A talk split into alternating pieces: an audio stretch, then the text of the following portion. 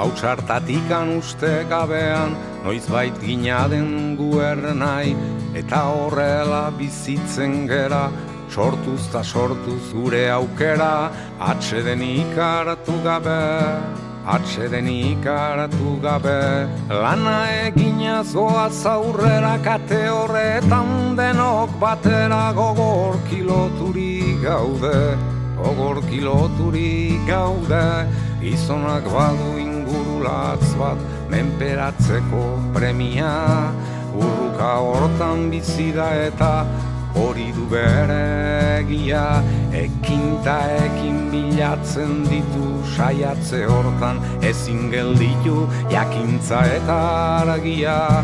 Jakintza eta argia. Bide ilunak nekez aurkitu lege berriak noiz baiter ditu hortan jokatuz bizia hortan jokatuz bizia os encontráis? Bienvenidos a la Casa de la Palabra. Volvemos a escuchar dos entrevistas, una de ellas es con Sigol Aldama cuando todavía estaba de reportero en Shanghái. Nos da conversación sobre un libro. El libro se titula Adiós a Mongolia, donde relata cómo el nomadismo, señal de identidad de los mongoles, está en vías de desaparecer. Sigol Aldama ha recorrido Mongolia al encuentro de su gente ancestral por el desierto del Gobi, también por las estepas y las cordilleras más intrincadas.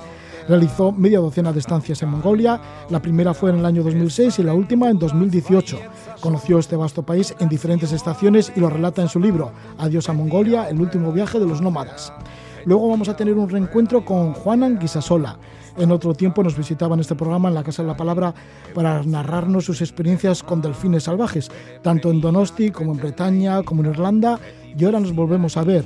El motivo es que también tiene una novela. Lleva el título de Nadie. En un mundo vacío solo estás tú. Es una mezcla de biografía con hechos ficticios, con reflexiones filosóficas, recoge el ambiente industrial que había en Eibar y también habla de sus experiencias con los delfines y sus andanzas por bellos lugares de Euskal Herria y alrededores. Se refiere a la práctica de la espeleología, que él ha practicado bastante esto, eh, también el amor a la montaña, a la naturaleza y, como no, a los cetáceos. Nos lo contará Juan Anguisasola al final de este programa La Casa de la Palabra, que comenzamos con el reportero Sigor Aldama.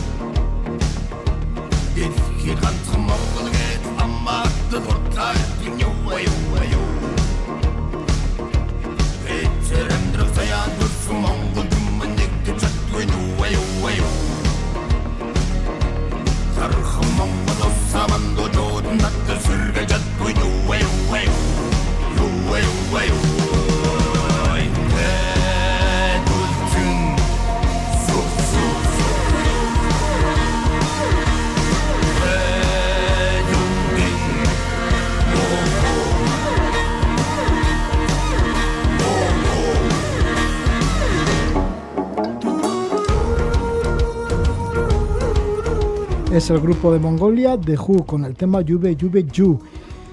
The Who, que están cosechando grandes éxitos internacionalmente porque se han puesto a la altura de los grandes grupos de rock en todo el mundo. Incluso su disco, el disco de The Who, pues ha sido como uno de los mejores discos, galardonado como uno de los mejores discos por la crítica de diferentes países en revistas especializadas de rock. Esto del año 2019. Al grupo The Who también ha entrevistado a nuestro invitado, Sigol Aldama. Sigol Aldama llega desde Shanghái, él es corresponsal en Shanghái para Asia desde el año 2005. Nos visita cuando está por aquí por Euskal Herria y vamos a hablar de Mongolia y de un libro que acaba de aparecer con el título de Adiós Mongolia, el último viaje de los nómadas. Su autor, aquí con nosotros, Sigor Aldama, Gabón Sigor. Gabón Roge. Bueno, que sí que has estado con The Who. He estado con The Who. De hecho, me parece genial que hayas elegido esta música sin habérmelo consultado antes y, con, la, casualidad de que The Who sea eh, protagonista de uno de los capítulos del libro. Esto y, es cierto, o sea, no lo habíamos hablado antes y me ha sorprendido con, con esta música de entrada. Y bueno, con una música que además yo creo que que viene fenomenal para describir a, la Mongolia actual, porque es una Mongolia eh, que mantiene sus raíces, eh, son, son unos rockeros o ellos hacen heavy metal eh, con, bueno, con instrumentos tradicionales de Mongolia, pero lógicamente dándole un toque moderno, ¿no? Y yo creo que eso es, es que yo creo que eso es perfectamente lo que, lo que yo quiero contar con, con el libro, ¿no? Porque Adiós a Mongolia es es un adiós, pero también es eh, un hola, porque es el fin de una Mongolia que se está, bueno, pues que está desapareciendo desafortunadamente, que es una Mongolia de la de los nómadas, y es eh, hola a una Mongolia nueva, eh, que es la que está surgiendo en las ciudades, sobre todo en la capital, en Ulaanbaatar, y que yo creo que representan bastante bien los de Hu, que, son además unos tipos majísimos y, con los que tuvimos un par de anécdotas porque eh, estuve yo con, ellos eh, una mañana entera mientras hacían un ensayo y fui con, mi mujer, con, con Joana, que es Joana Hu. Entonces ella fue y les dijo, oye, sois unos impostores, la verdadera Hu soy yo, ¿no? Y ahí hubo, bueno, pues bastante risas porque Hu quiere decir persona. En, Hu, que es HU. HU, HU, eso es. Eso en, en, Mongolia quiere decir más o menos como ser, ser viviente, persona, ¿no?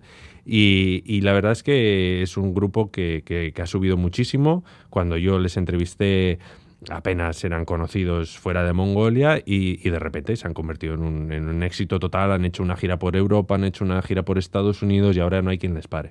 No hay quien les pare. Y bueno, y además mezclan la música tradicional, los instrumentos tradicionales pues con lo más vanguardista del rock, sobre todo del rock duro, ¿no? Entonces ahí, ahí está esa transición, ¿no? Eso de ese adiós a Mongolia que recoges. Sí, sí, y es Porque seguramente que las familias de ellos o ellos mismos igual en otro tiempo fueron nómadas. Estos no, estos, estos ya son nacidos en, eh, la ciudad, sí. Eh, hay, hay, mucha gente así, de todas formas, eh, eran, creo que eran profesores de conservatorio y profesores de, de instrumentos tradicionales, ¿no? Y que sin embargo, pues tenían tenían entre sus, entre sus ídolos pues a gente como, como Metallica, como Nirvana, y entonces hubo un productor que, que iba buscando un grupo diferente, unos sonidos nuevos para darle un poquito de vidilla a Mongolia, que es que es un país gigantesco que tiene tres veces la superficie de Francia, pero en el que vive una población como la de Euskal Herria. Y, teniendo en cuenta que la mitad de esa población eh, se encuentra en Ulaanbaatar, pues eh, la verdad es que hay, muy poco ¿no? donde elegir. Y entonces,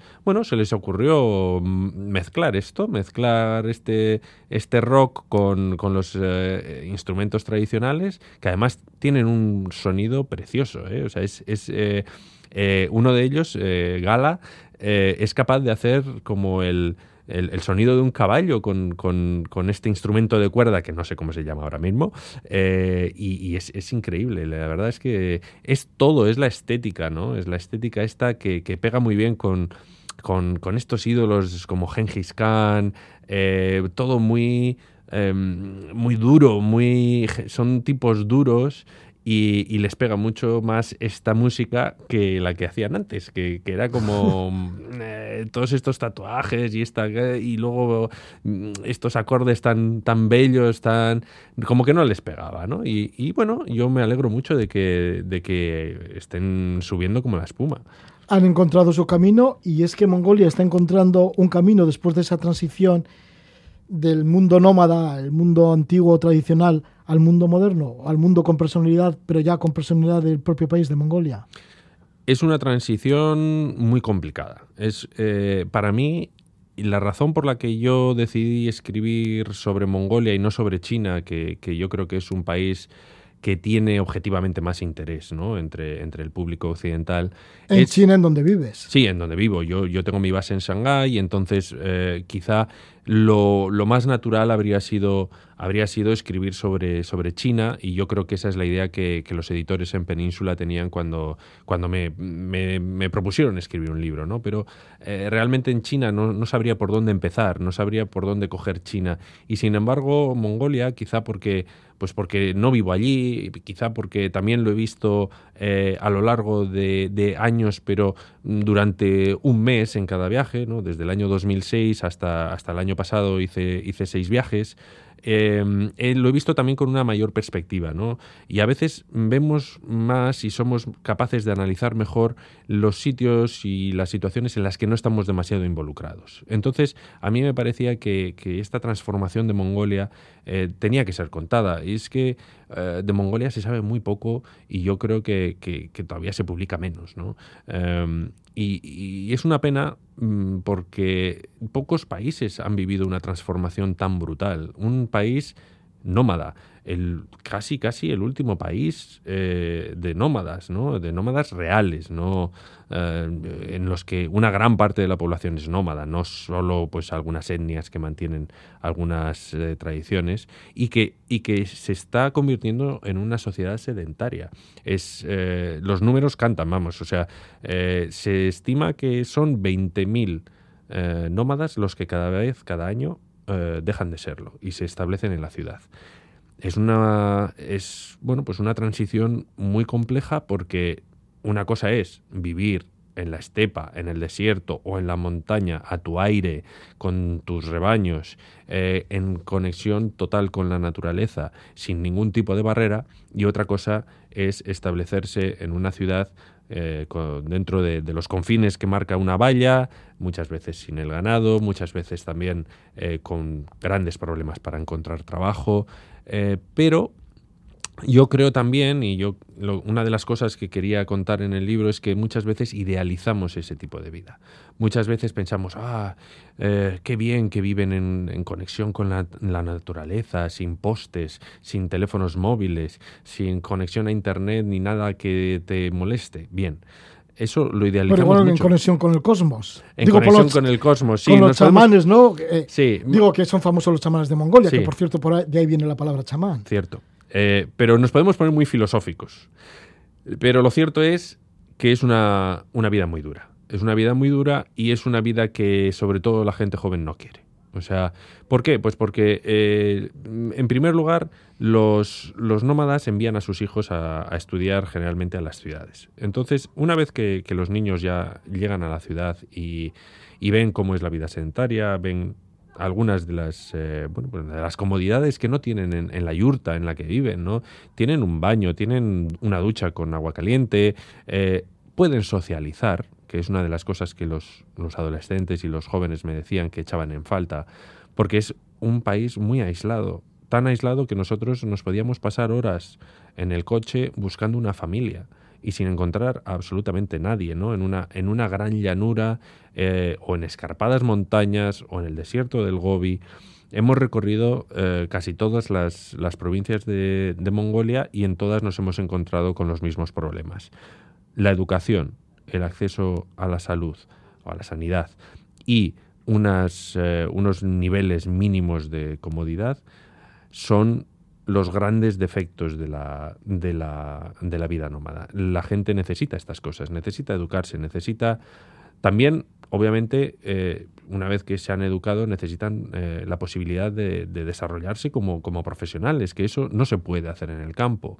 Luego también necesita el acceso a la, a la salud, que eso es, es, muy complicado de obtener. Y, no es raro que, que, haya gente que se muera simplemente de camino al, a un hospital o un, a un ambulatorio. Y, luego, por otro lado, que es una vida muy muy sencilla, por no decir simple. Es una vida en, eh, que comienza con la salida del sol o un poco antes y casi casi acaba con la puesta de sol. Y en ese, en ese, durante el día, pues sí hay muchas cosas que hacer, se trabaja, pero luego no hay nada más. Eh, todo el mundo vive, o sea, las familias viven juntas, con lo cual, pues bueno, hay, hay unos problemas de privacidad que la gente joven pues echa, echa en falta, ¿no? Y, al final eh, nosotros, por ejemplo, estuvimos, pasamos un año nuevo lunar con, con, varias familias y nos dimos cuenta de que la gente joven que volvía de las ciudades en las que estudia para estar con, con la familia, sobre todo con los abuelos, estaba muerta del asco. O sea, eh, tenían, tenían un mono de, de teléfono móvil y estaban mirando las fotos que habían hecho durante todo el año porque no podían conectarse a Internet y decían, madre mía, a ver cuándo se acaba esto y puedo volver a la ciudad. Y este es un problema que, va a cambiar Mongolia para siempre.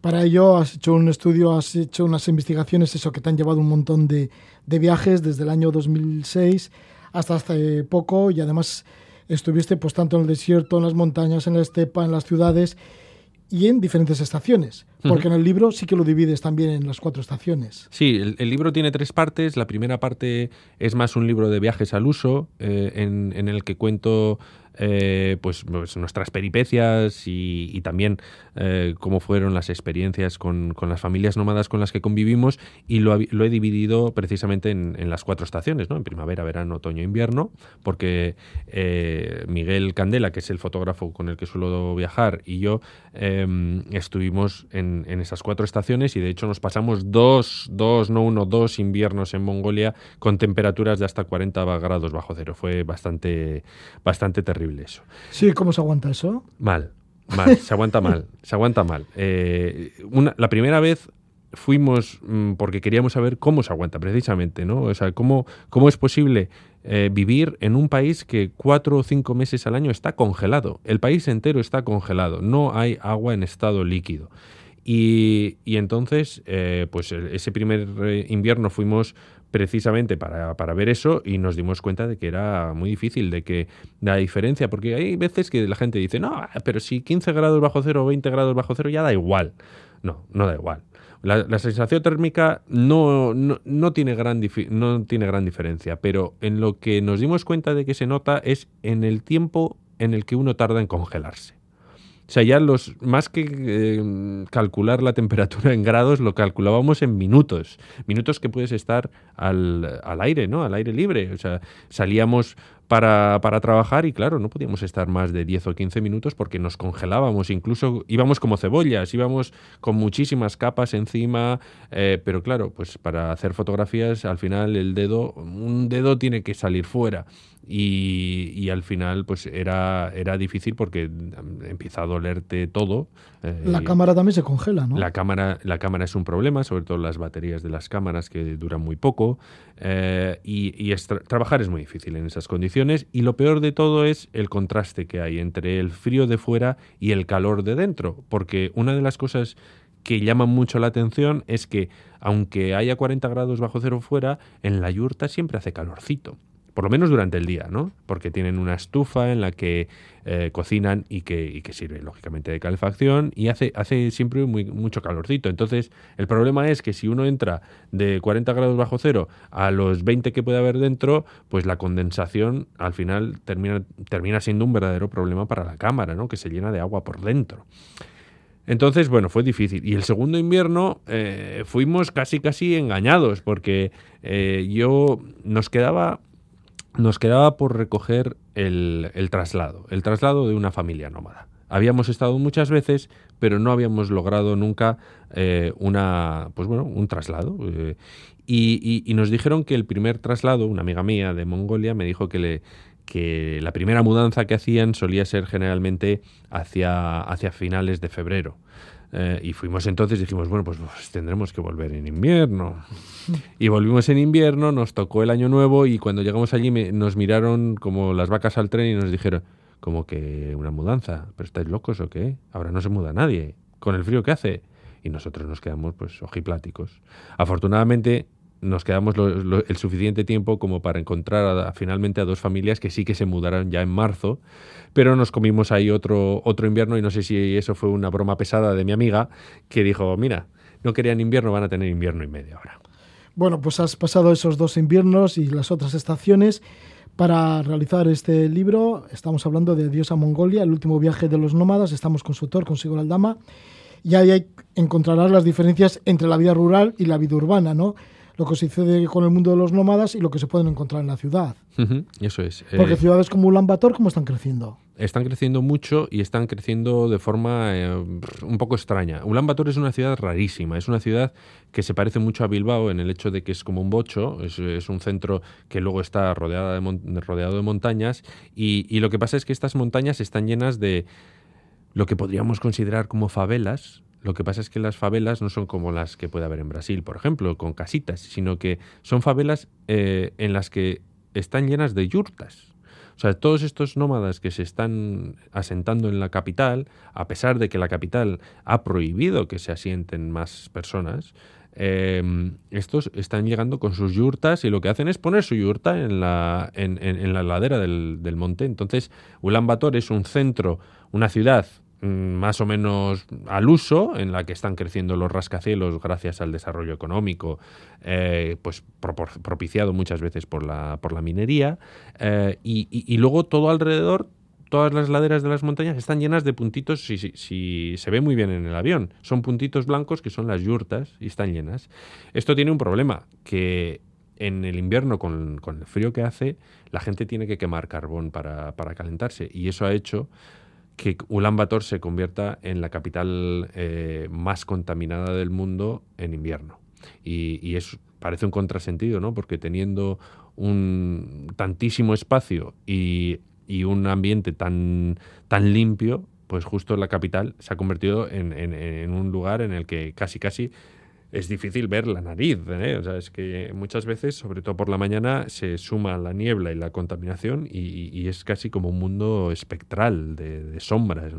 Y es una pena. Ahora el gobierno está intentando eh, o está planificando crear una nueva ciudad, no lejos de Ulaanbaatar, para eh, pues bueno diversificar un poco no que no sea todo que no todo el mundo venga al mismo sitio y que al final los recursos, los pocos escasos recursos que hay, pues no se pueden, no se pueden eh, dividir en, en, en, tanta gente metida ahí, ¿no?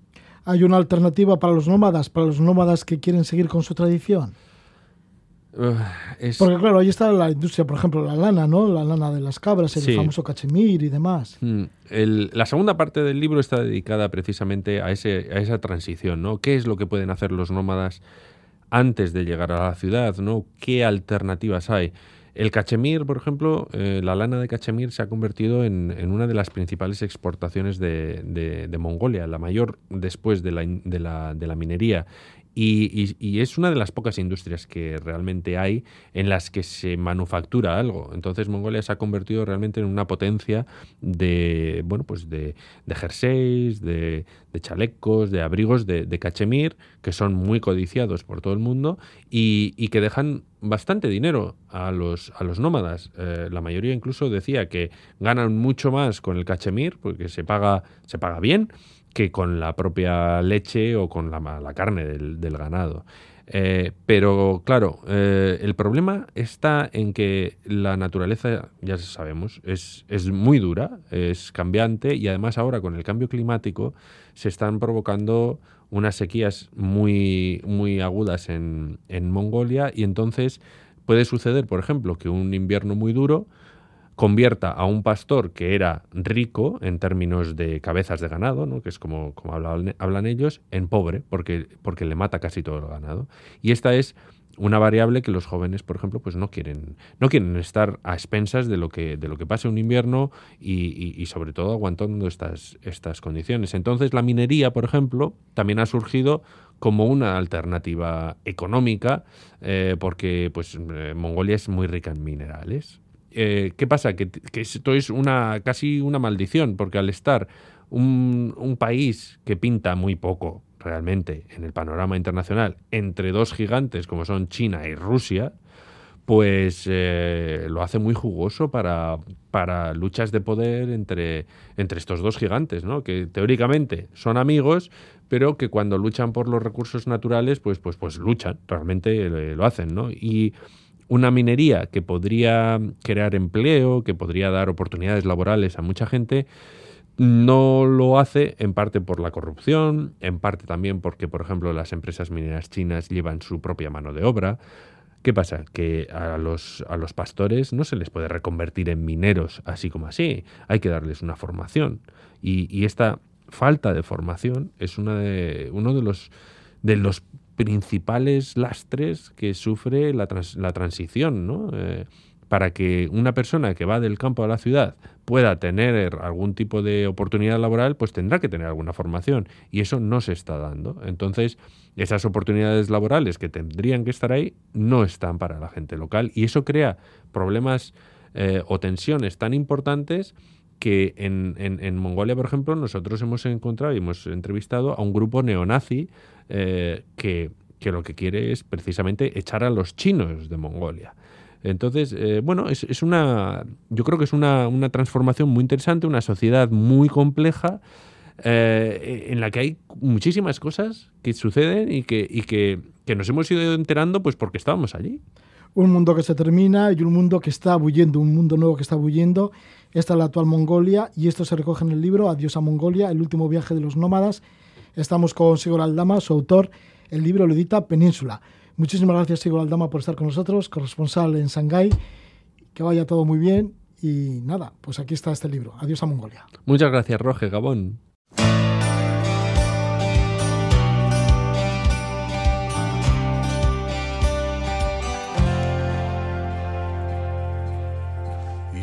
Turn me on. You lift me up like the sweetest cup. I share with you. You lift me up. Don't you ever stop. I'm here with you. Now it's all or nothing. Cause you say you'll follow through. Follow me. And I, I follow you. What you gonna do when things go wrong? What you gonna do when it all cracks up? What you gonna do when the love burns out? What you gonna do when the flames go up? Who's gonna come and turn the tide? What's it gonna take? Make a dream so far. Who's got the touch? Can a storm inside? Who's gonna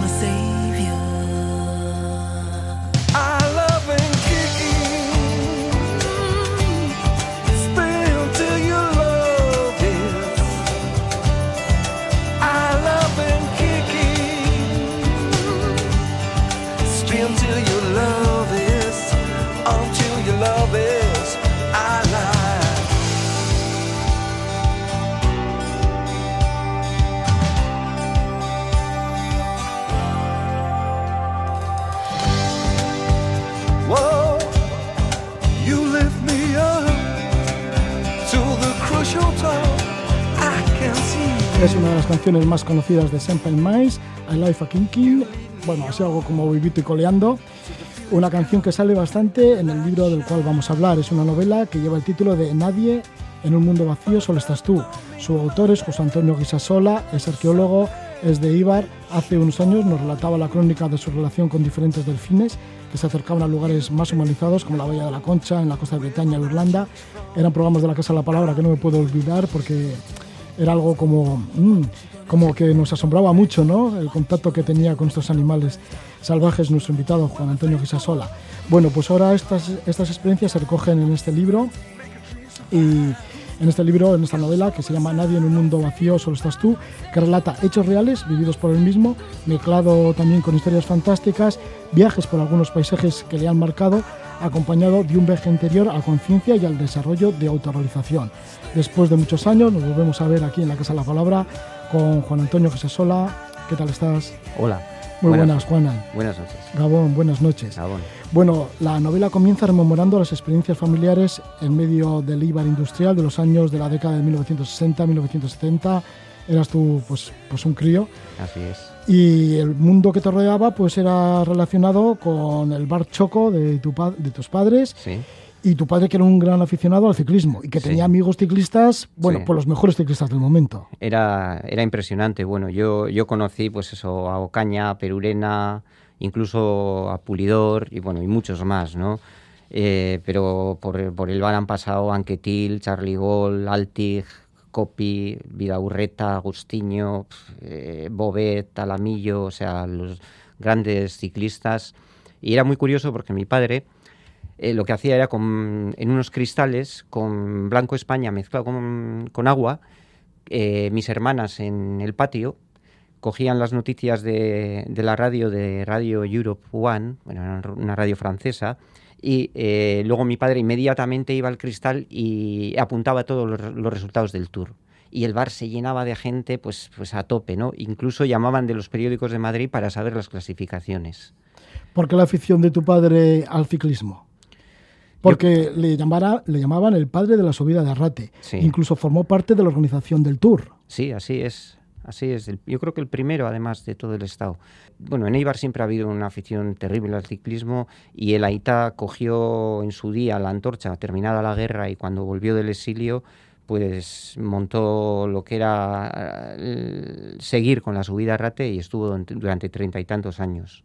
Y allí pues todas las las luchas que había de Loroño, Bamontes, todo eso se vivía en el bar. Incluso subías a casa y te encontrabas la casa invadida de ciclistas de todos los países, pues dándose el alimento, duchándose en nuestra propia casa.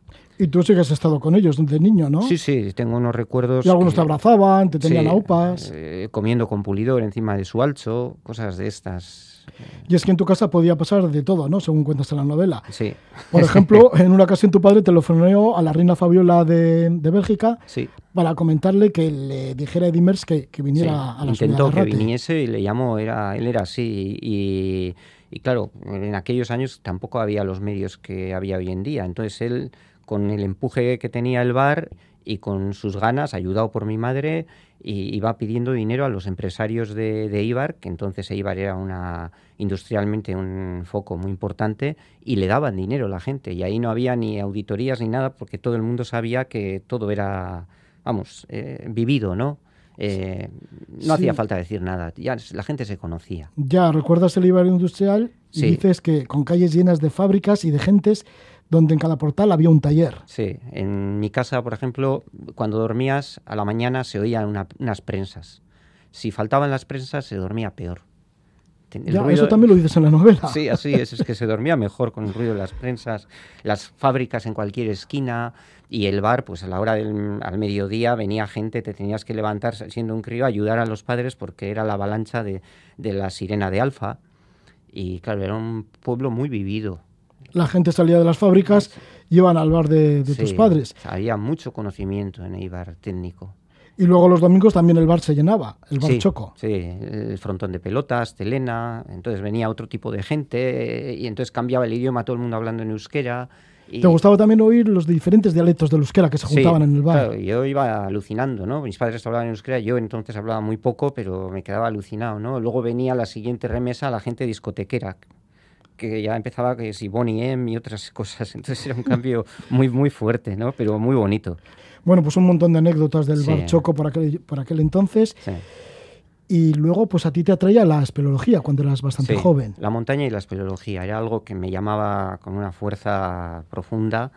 Y por eso en la novela lo que, lo que hago es un viaje a, a, Isa, que es una cueva, es una olla eh, en Iciar, que es un valle subtropical y es una cueva que tiene más de 12 kilómetros de galerías conocidas y yo pues, con mis amigos solíamos ir allí a hacer exploraciones incluso de varios días, a veces con el club deportivo, otras por nuestra parte.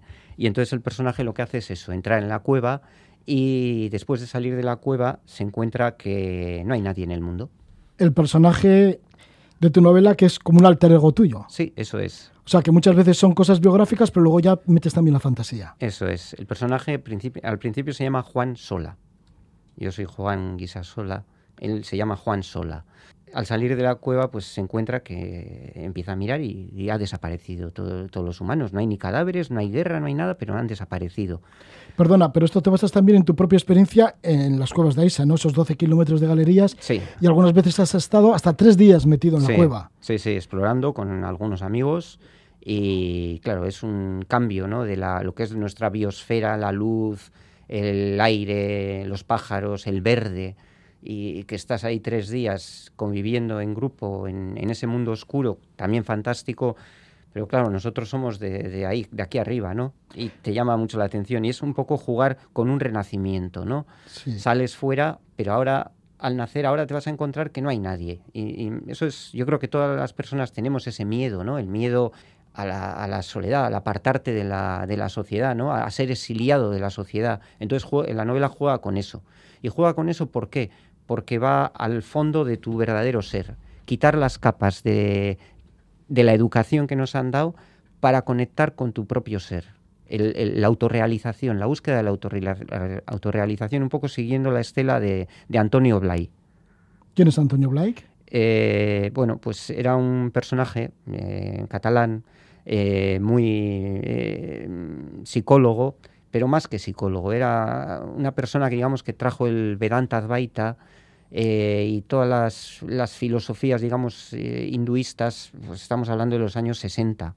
Fue un adelantado, un adelantado, una persona que yo creo que merece la pena escucharle. Y un poco la novela sigue a él y bueno, y, a todo el mundo de la, de la psicología, como Howard Gardner y bueno, otros personajes. Sí, porque mezclan muchos personajes, mucha gente relacionada con la filosofía, con la psicología.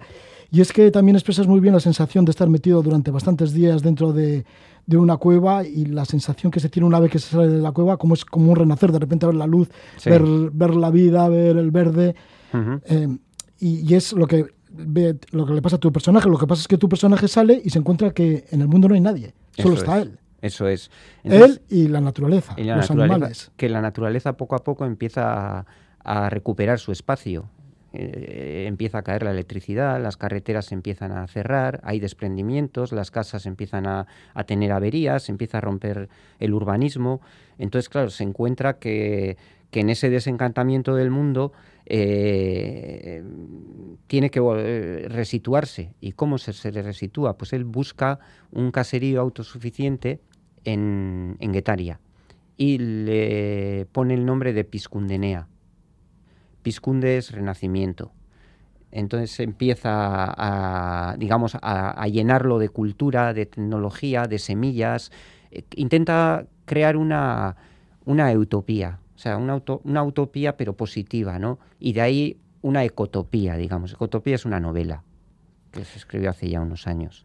Entonces tu personaje sale del caserío de Guetaria, se va acercando a Donosti y ahí vienen los capítulos relacionados con los delfines. Eso es. Que esto es realidad, lo que te ha sucedido con los delfines. Eso es verdad. Que nos lo contaste hace ya un tiempo aquí en el programa, cuando lo estabas viviendo en esos momentos. Eso es. Esa relación con diferentes delfines. Uno de ellos en Donosti, que estuvo bastante tiempo, ¿no? Yo creo que varios años. Sí, eso fue gracias... En la Bahía de la Concha. Eso es. Que le llamaban Paquito para aquel entonces. Sí, eso fue gracias a Gonzalo Garayoa, un amigo. Él me animó, de Ibar también. De Ibar. Gonzalo también estuvo alguna vez aquí en el programa. Sí, dos veces. Y con él fue con el que empecé, bueno, y, solíamos ir a bucear constantemente, él y otro grupo de gente, pero fundamentalmente los dos. Y allí tuvimos muchas experiencias con, con Flynn, el que le llamaban Paquito. Y bueno, por resumirte rápidamente, pues... Le llamaban Paquito en la prensa, pero vosotros le llamabais Flynn. Sí. Más cariñosamente igual, ¿no? Eh, porque era más... Es que yo solía decir que era un monje budista, porque es que nos conocía más él a nosotros que nosotros a él. El delfín. Sí, e incluso fue un gran profesor de natación porque eh, íbamos pues eso con las gafas, el tubo, unas grandes aletas, el traje de goma y el delfín muchas veces se ponía debajo mío, igual a una distancia de medio metro y nos poníamos a nadar. Y salíamos hasta hacia las afueras de la concha nadando. Y yo le iba diciendo por el tubo más rápido, más rápido y él cada vez iba nadando más rápido. Pero perdona, ¿tú le agarrabas el...? No, no, sin agarrarle. Yo iba nadando y él debajo. y a veces se daba la vuelta y se ponía panza arriba, mirándome, y yo mirándole a él, y yo le hacía, venga, más rápido, y entonces él iba más rápido, hasta que llegaba un momento que ya no le podía seguir. Entonces le decía, espera, espera, y cogía el delfín y se echaba para atrás y se volvía a colocar justo en paralelo a, mi posición. ¿Le gustaba el delfín nadar contigo? Sí, sí, muchas veces. Sí, es que muchas veces a los nadadores, los delfines, se acercan a los nadadores y nadan con ellos, ¿no? Sí, Sí, y luego, por ejemplo... Bueno, y cuando quieren se escapan y ¡buf! parecen un barco, ¿no? sí, sí, son libres y igual no te está haciendo caso y, luego vuelve y, te hace caso y juega contigo, pero claro, son delfines libres, que es lo bueno, ¿no? Pero ¿cómo fue que Gonzalo y tú tuvisteis una relación con el delfín Flint? ¿Cómo os pues, acercasteis? Eh, lo empezó Gonzalo. Él, antes que yo, como no sé si un año o dos antes, empezó a ir y empezó a bucear y a acercarse. Y luego un día, como somos de Ibar, me dijo, oye, pues a ti que te gustan mucho los temas de aventuras y de naturaleza y tal, ¿quieres venir conmigo? Y le dije, pues venga, vale, sí. Y así fue como empecé. Claro, eso, mm, vamos, supone tal enganche que la gente no se hace ni idea. Porque incluso yo tuve, bueno, tenía sueños que eran sueños con un color impresionante. Tengo una anécdota, por ejemplo, que a mí durante años, en los sueños, me solía aparecer una sombra que creo que a alguna gente le suele aparecer, y me aparecía una sombra y se echaba encima y no me dejaba en paz. Y justo al mes de empezar a nadar con el delfín, un día que volví de San Sebastián, me metí en la cama, apareció la sombra y en esto que vi, además es que yo estaba dormido, pero es que lo vi con unos colores y con vi hasta el agua como el delfín salía de la cama y se echaba contra la sombra, le pegó como un golpe y vi como la sombra echó un, un grito de terror y desapareció por la pared y ya nunca más he, vuelto a tener esa, esa pesadilla. Desapareció de cuajo. ¿Y cómo fue esa relación entonces con el delfín Flint? Pues, ¿Jugabas con él, te acompañaba a nadar? Sí. Y, y, porque dices que te enseñó a nadar mejor, que incluso fue como una especie de maestro... Y de buceo, porque incluso en alta, bueno, en, cuando estaba la marea alta, había una zona que cubría 8 o 9 metros y yo no me atrevía a bajar en la bahía de la Concha. Sí, en la bahía de la Concha, en un concreto en un área que cubre bastante cuando hay marea alta y yo no me atrevía a bajar. Empezaba a bajar un poco y me subía para arriba otra vez. Y él empezó un día a nadar en espiral, empecé a seguirle nadando en espiral y cuando me di cuenta acabé sentado en el fondo de la bahía. Y dije, me has engañado. Has conseguido hacer algo que yo no me atrevía a hacer. Y claro, que él quería que lo hicieras. Que lo hiciese, sí, sí. A veces nos traía. Para que supieras que podías llegar al fondo. Que podía llegar, sí, sí. Y claro, eso fue tal enganche que empezamos a viajar y conocimos a. Porque un día Flint se desapareció de. Sí, desapareció con un grupo de delfines. Y volvió al tiempo, apareció en pasajes. Y ahí en pasajes también tuvimos pues muchas historias. Ah, ¿volviste a estar con Flint? Sí. En pasajes. Sí, hasta el día anterior su con muerte. Él también. Sí, ¿Y él lo reconocía? Yo creo que sí vamos, pues, eh, yo creo que nos conocía, vamos, completo. Además sabía cómo éramos cada uno de nosotros. Eh, sí, seguramente que había una sensibilidad especial, ¿no? Una transmisión. Sí, sí. Y es que eso hay que vivirlo más que, que leerlo, decirlo, ¿no? Les te cuentan, puedes hacerte una idea, pero cuando estás ahí metido en la historia, es, es impresionante. Pero no podía ser peligroso al ser un animal salvaje ah. en su medio. Sí, todos los delfines con los que he nadado son salvajes y vamos, cualquiera de ellos. Tenemos un punto de vista infantil que está muy bien, pero un delfín te puede matar en, vamos, en un momento. bueno, que te pega un, aletazo, yo qué sé. O, con el morro. o con el morro mismo, que destroza, vamos. Sí, sí, sí. Y tiene unos dientes potentísimos. Yo he metido la mano alguna vez en la boca de algún delfín y... ¿Pero qué dices? ¿Cómo lo has metido la mano? Pues en Irlanda con... Pero bueno, son delfines que tienes cierta confianza, digo, porque un delfín salvaje que nadie se lo ocurra, ¿no? Ah, hombre, a ver, eh, ellos mismos también tienen una educación. El que va como un loco, va empujando así, pues prepárate. Tienes que ser, acercarte con educación y, y saber lo que haces. Y si hay crías, también, pues tú no vayas. Yo nunca he ido donde las crías, siempre voy a donde el más grande para demostrarle que yo no voy a hacer nada malo. Luego ya si se quieren acercar las crías, que se acerquen, pero que me los traigan ellos. Con educación y muchísimo respeto. Eso es. Eso y conexión también con, el delfín. Y es cuando consigues grandes cosas. El que entra como un loco ya ha visto situaciones, el delfín se va o, vamos, no hace ni caso. Ya, ¿y qué pasó al final con Flint? Murió de una neumonía. ¿Y en dónde murió? En pasajes. Ah. Sí. Claro, luego todo eso nos llevó a, viajar y en Irlanda, en la zona de las islas de Arán, allí conocimos a, Mara, que es una delfina, y bueno, con aquella pues eh, solía hacer hasta surf. Le agarraba de la cabeza ella al lado mío y nos solíamos quedar igual pues esperando a que viniese una ola y cuando llegaba la ola se ponía ella delante, yo le agarraba de la cola y bajábamos toda la ola hasta, hasta llegar a la playa. Juan, no hay que decir que también eres surfista. Sí, no te voy a decir profesional ni un gran surfista, pero me gusta. Pero qué confianza está de agarrar a la delfina de la cabeza. Sí, sí. Pero, ¿cómo llegas a eso? Quiero decir. Es que hay delfines que son así. Por ejemplo, Flynn no era así, era más, más, o sea, jugabas con él, pero de tocar no, no te dejaba tocar. Sin embargo, Mara, bueno, tocar, empujar y de todo, vamos.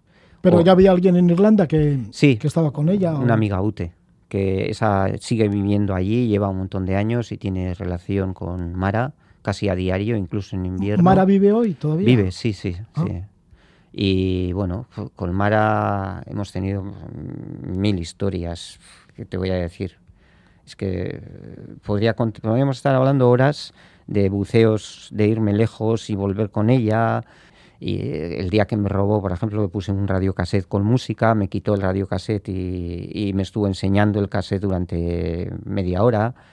¿Pero dónde te robó el radiocassette? Llevé un radiocassette con música clásica para ver qué reacción tenía y le encantó. Y ¿Debajo del agua? Sí, y me lo quitó y, y, para ella luego me lo enseñaba. Además, mira lo que te he quitado.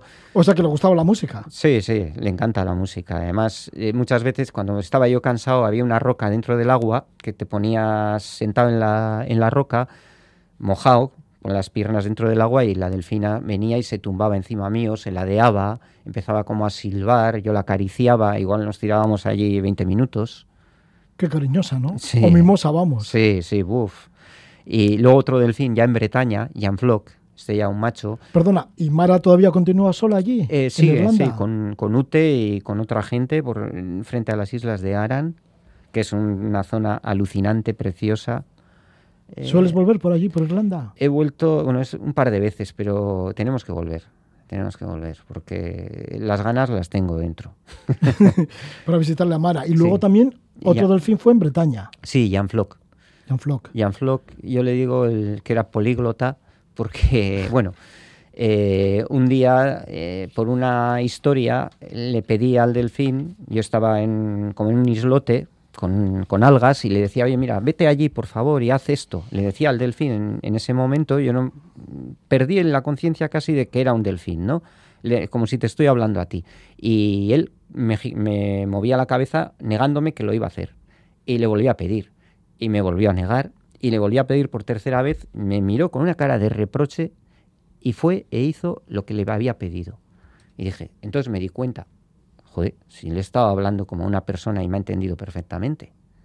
Y ese delfín también me solía dejar tumbarme encima suyo y yo con las gafas puestas y al, al lado de la aleta, con todo el cuerpo agarrado a él y solíamos dar paseos por la bahía y se sumergía un poco para que yo no me ahogase y si veía yo que estábamos mucho debajo del agua le tocaba un poco y volvíamos a salir a la superficie.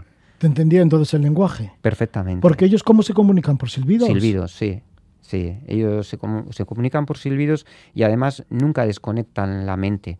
O sea, eh, siempre tienen una parte del cerebro despierta, incluso cuando duermen. ¿Puedes descifrar algunos de estos silbidos? ¿Han descifrado alguno de ellos? Eh, bueno, ahí están los estudios de Horace Hobbes, del doctor Lilly. Eh, yo creo que se llegará un día a poder hablar con ellos. En, el, en la historia se habla, e incluso se propone, porque en Larunche, eh, en el Bearn, al lado de Suberoa, hay un pueblo que todavía se comunican por silbidos, en Gascón, y yo digo, bueno, pues allí, cuando el personaje está por esa zona, dice, bueno, pues algún día haremos un, un silbo esperanto. sí, porque luego el personaje de tu novela continúa por diferentes lugares, viajando en diferentes rutas. Bueno, pero aquí estamos mezclando lo que es el personaje de tu novela, pero también estamos mezclando con la realidad. Y lo que estamos contando de los delfines lo has vivido realmente, aunque parezca fantástico. Sí, como la experiencia que tuve con el Dalai Lama, también fue una experiencia fantástica y real. Y bueno, eh, la entrevista que tuve una tarde, cuando acabé la carrera de arqueología, yo estudié prehistoria y arqueología, que es una carrera que tiene poco futuro, ¿no? y, estuve con el padre Barandiarán, un hombre encantador, fantástico, hablando y también lo cuento en la novela, pero todo metido en una trama idealizada, claro. El libro es bastante largo, una novela pues que tiene de todo. Ahí están las vivencias, tu propia biografía, mezclado con la fantasía de este personaje que una vez que sale de la cueva se encuentra que en el mundo no hay nadie y entonces rehace su vida, renace y vive con la naturaleza, con los animales, que va recordando y bueno, va visitando todos estos lugares que has señalado. Y esta es la novela de Juan Anguisasola, que está con nosotros, Nadie en un mundo vacío, solo estás tú. Juan Anguisasola, que es de Ibar, que es arqueólogo, que te conocí por esa relación con los delfines tan estrecha que tienes y que ahora, bueno, pues nos sorprendes con esta novela con el título de Nadie. Pues muchísimas gracias por estar con nosotros, Juan Anguisasola de Ibar, un fuerte abrazo y que vaya bien con Nadie. Muchas gracias.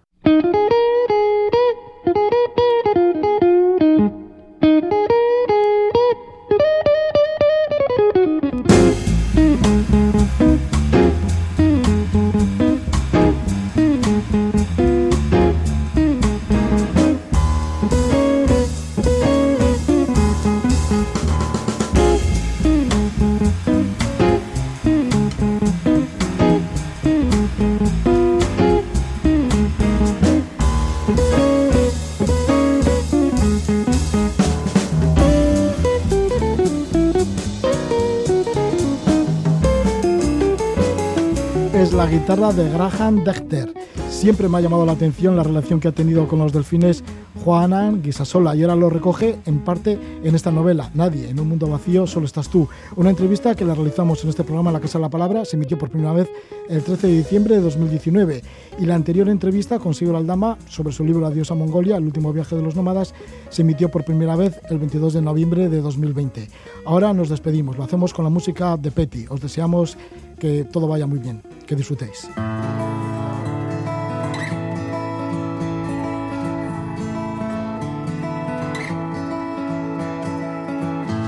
Inozoa goizetik gabil ispilu bila Kalean aurkitzeko badu aukera pila. Aukera pila.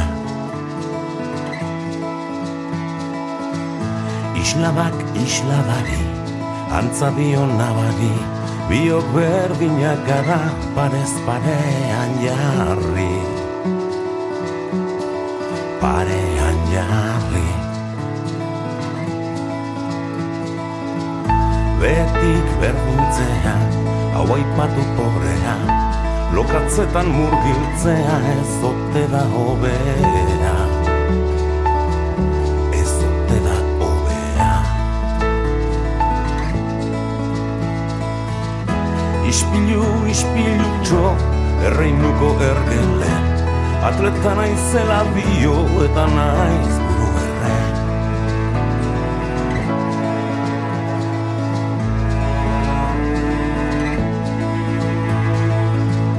Berdinak eta lauak zango biko ispilu. Simetria triste honek biok berdindu gaitu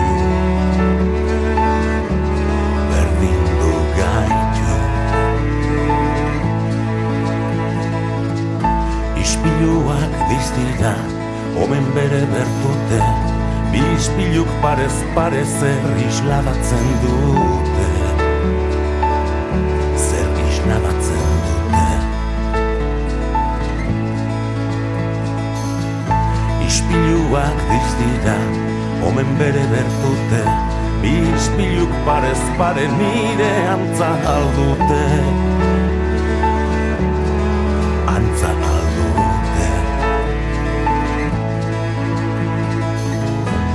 Ispilu zurrupatzen genio zoen ispilu. Erdian arrapatuta zurrupatuko zaio Ispilu, ispilu txo, erreinuko hergelen Atleta naizela bio eta naiz